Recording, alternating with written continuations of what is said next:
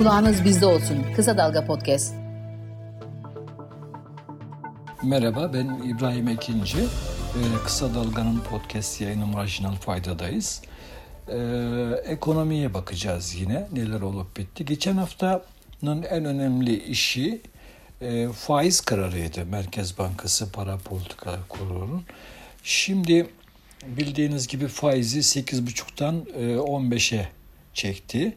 Ee, uzun bir aradan sonra yaklaşık 27 ay oluyor galiba 27 ay sonra yeniden Merkez Bankası bu NAS teorisini filan bir köşeye bırakıp işte faiz daha da düşecek, düşecek iddialarını bir köşeye bırakıp yeniden e, faiz artışına dönmüş oldu.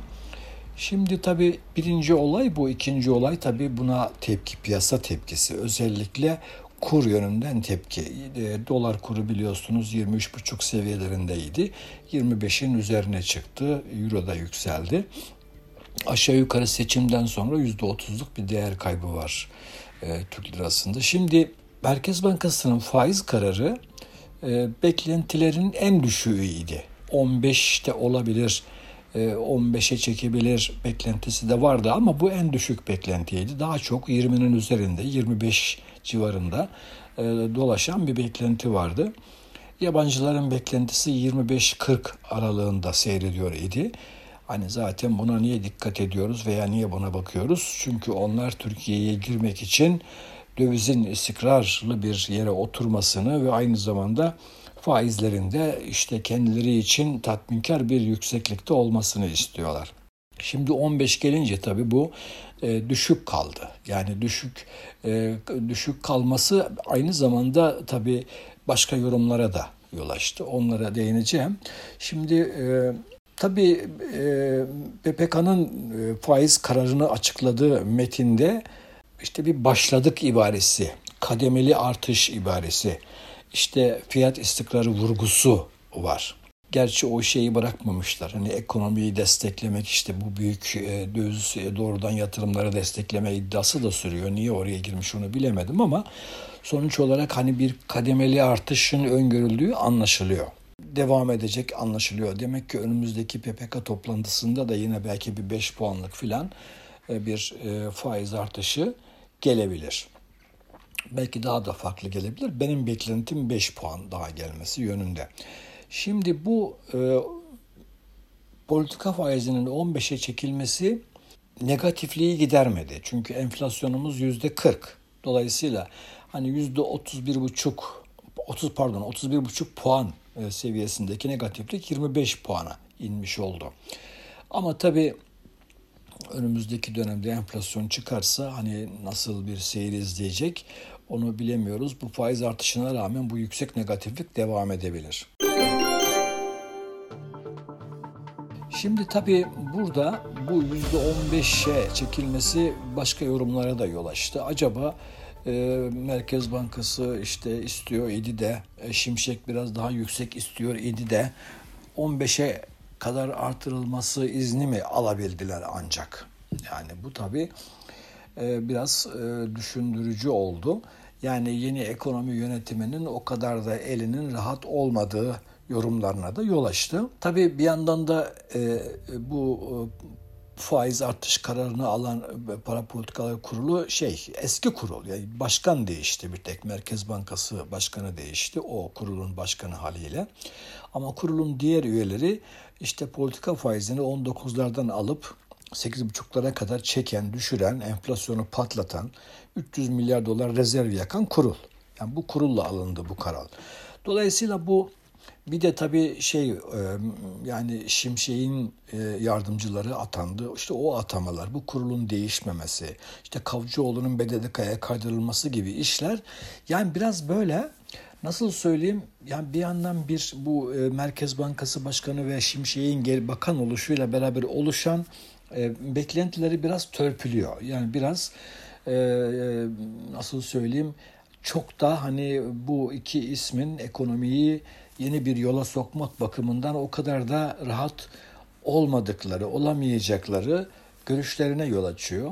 Yine e, Cumhurbaşkanı Yardımcısı Cevdet Yılmaz'ın da tabii bir şimşeye bir nezaret ediyor bir görüntüsü var. O da biraz e, sıkıntılı oldu.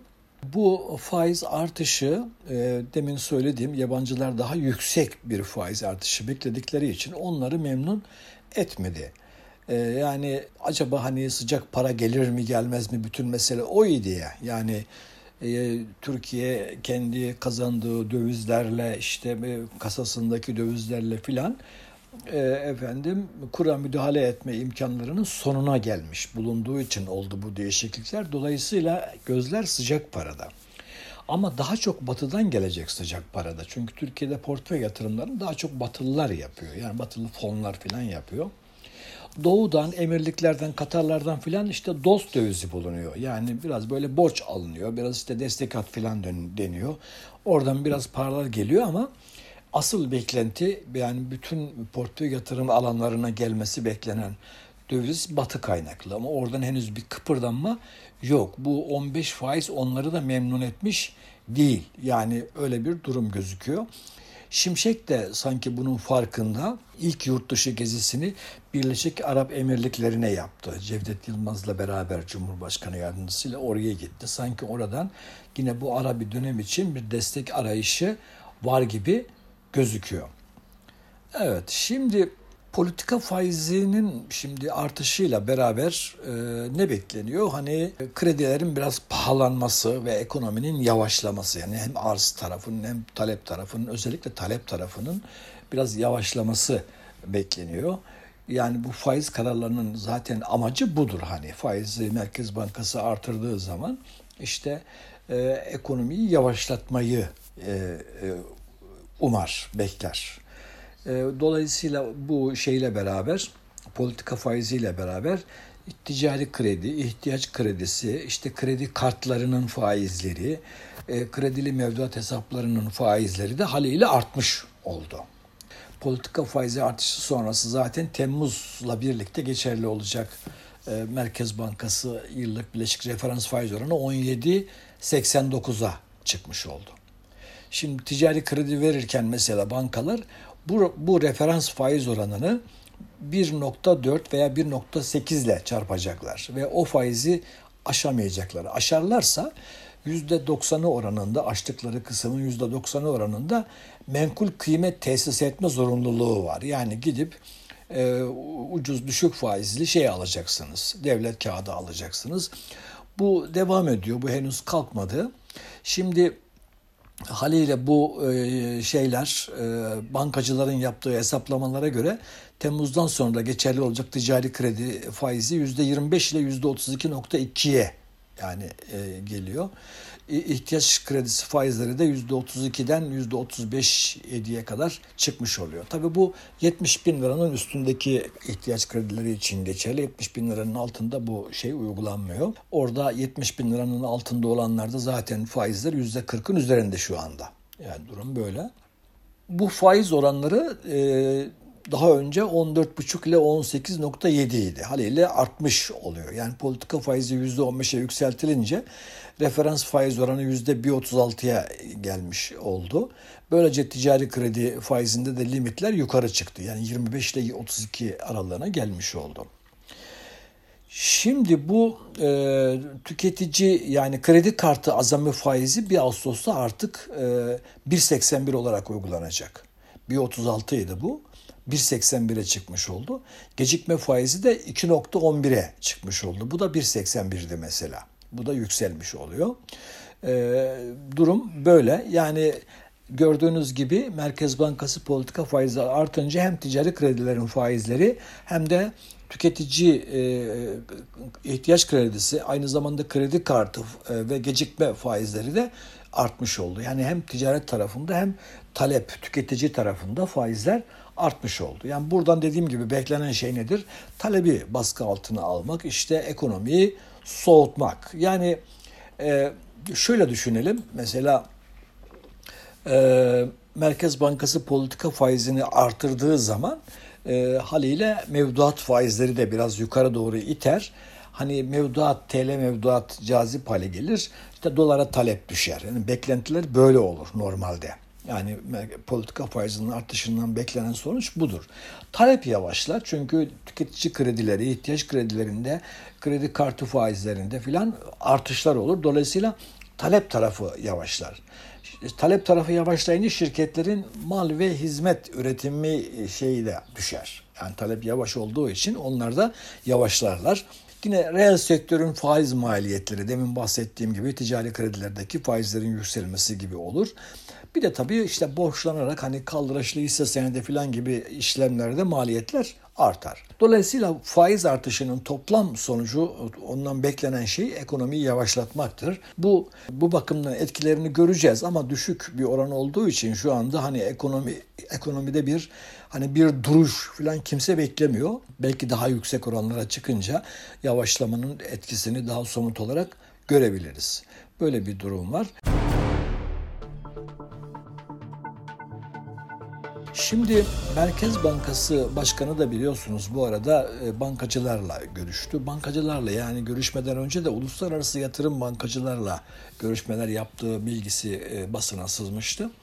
Bankalarla, Bankalar Birliği yönetimiyle bir görüşme yaptı. Biliyorsunuz bankalar bu ucuz menkul kıymet alım zorunluluğundan çok muzdaripler bu konuya ilişkin de bazı uyarılar yapılıyor. Hani siz bu bankalara böyle işte şunu geçersen gel ucuz menkul kıymet al.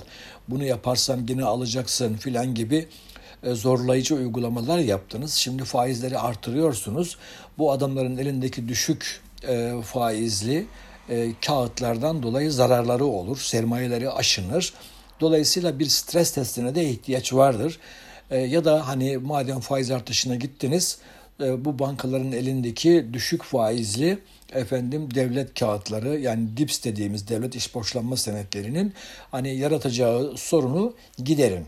Ona bir yol bulun e, şeyi var, gündemi var. Bankacılarla Merkez Bankası arasında konuşulan mesele. Özetle bu. Bir de tabii bunaltıcı e, bunaltıcı bu ihtiyati tedbirler denen her gün değişen tedbirlerin biraz sadeleşmesi, kalkması filan gibi taleplerin olduğunu düşünebiliriz. Şimdi efendim şimdi bizim meselemiz neydi? Yüksek enflasyondu. Şimdi kur çıktığı için enflasyonumuzun daha da artacağını düşünüyoruz. Şimdi bu enflasyonla mücadele etmekte tabii Türkiye'nin gündemidir.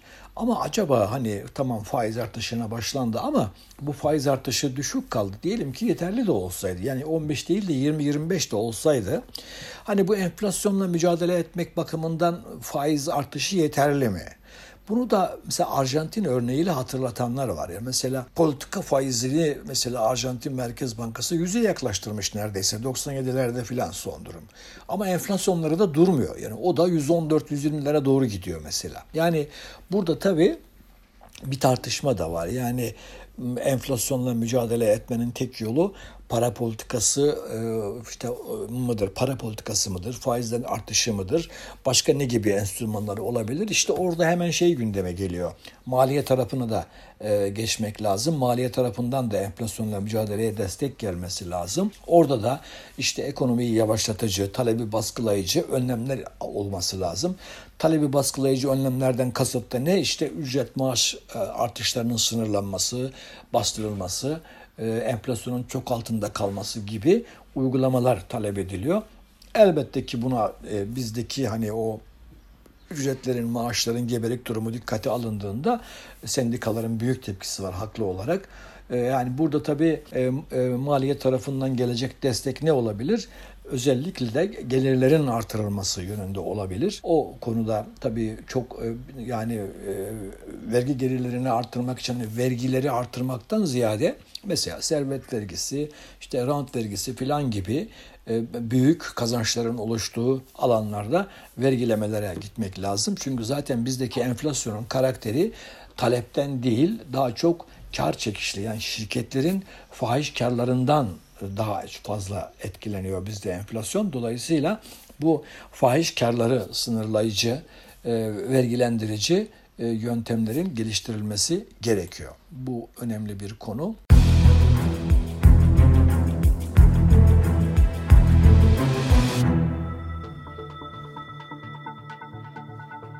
Önemli bir gelişme de şu, Merkez Bankası'nın hani hep her seferinde söylerdik ya işte e, bilançosu eksi de e, büyük açığı var.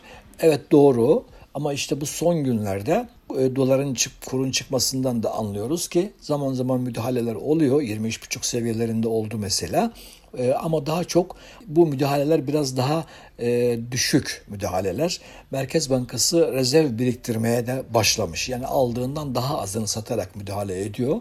Dolayısıyla son 5 iş gününde yani uzmanların yaptığı hesaplamaya göre aşağı yukarı 8.8 milyar dolarlık bir rezerv biriktirme işi olmuş. Yani pozisyon değişimi olarak düşünelim artı değişimi olmuş ve e, bu da iyi bir şey. Merkez Bankası'nın çünkü döviz biriktirmesi gerekiyor. Çünkü yani şu anda da 60 küsür milyar dolar açıkta. Bu kadar parayı kesesini şeye kasasına koysa bile sıfıra gelmiş oluyor. Daha fazlasını yapması lazım. Nereden baksanız Merkez Bankası'nın biz 150 milyar dolarlık bir döviz biriktirmeye ihtiyacı var. Şimdi önümüzde tabii yaz mevsimi var turizmden bir döviz girişi olacak. Bu e, kurları nispeten hani e, sakinleştirmeye yardımcı olacak bir döviz kaynağı. Yani yabancı turist gelişiyle beraber döviz girişi artacağı için. Fakat e, bir de tabii e, dış ticaret tarafı var. Dış ticaret tarafı çok yardımcı olmuyor şu aralar. Mesela son Mayıs dış ticaret rakamları geldi. 12,5 milyar dolarlık bir açık gözüküyor. Bu çok yüksek. Yani yine 10 milyar doların üzerinde. Ocak'ta da 14 falan gelmişti. Dolayısıyla dış ticaretteki yüksek açıklar devam ediyor. Yani cari açık devam ediyor. Bu kurun yükselişi, kurun yükselişi ithalatı biraz pahalı hale getirdiği için ithalatta bir gevşeme olabilir. O da belki cari açığı nispeten yani hızlı artışını sınırlayabilir diyeyim. Yani dolayısıyla oradan da bir e, destek gelecek gibi gözüküyor. Biz belki şu önümüzdeki birkaç ay yani turizm mevsimini mevsimini eğer ekonomi yönetimi mantıklı işler yapar da mantıklı hareket ederse e, bu 3 ayı, 4 ayı, 5 ayı biraz kurları sakinleştirmek, bir istikrar kazandırmak bakımından değerlendirebilir. Hani kur zaten epeyce yükseldi. Bu dediğim gibi ithalatı da biraz frenler. Aynı zamanda turizmden döviz girişi olur. Biraz döviz bulursa sağdan soldan dövizi biraz sakinleştirebilirler. Bu iyi bir şey olur. Artı e, bu arada birkaç aylık hani her ay zaten biliyorsunuz para politikası kurulu toplanıyor. Dolayısıyla oradan da belki ufak faizler, faiz artışları olur. O artışlarla beraber durum biraz dengeye doğru gidebilir diye düşünüyorum. Ama tabii ki yani bütün bunlar hani Türkiye hani böyle her gün bir şok habere uyandığımız bir ülke. E, her gün çok fazla hani hesaba katılması gereken ama hani sürpriz değişiklikler oluyor. Dolayısıyla e, işler hiç kolay değil. Türkiye ekonomisinin sorunları hani dövizi sakinleştirmek filanla olacak bitecek işler de değil. Türkiye ekonomisinin çok derin bir yapısal dönüşüme ihtiyacı var. Çok döviz üreten, döviz e, fazlası veren, efendime söyleyeyim verimli çalışan, gelir dağılımı düzgün, efendim emekçisine doğru dürüst ücretler verebilen, onları yoksulluk sınırının üstünde yaşatabilen e, bir ekonomiye doğru gitmemiz lazım bizim. İşsizliği tabii ki düşürmemiz lazım. Efendim dolayısıyla hani biz henüz günlük meseleleri konuşuyoruz ama işin büyüğü, işin asıl zoru arkada beklemeye devam ediyor. Yapısal sorunlar beklemeye devam ediyor. Bu haftalık bu kadar olsun. Önümüzdeki hafta tekrar görüşürüz. Kendinize iyi bakın. Hoşçakalın.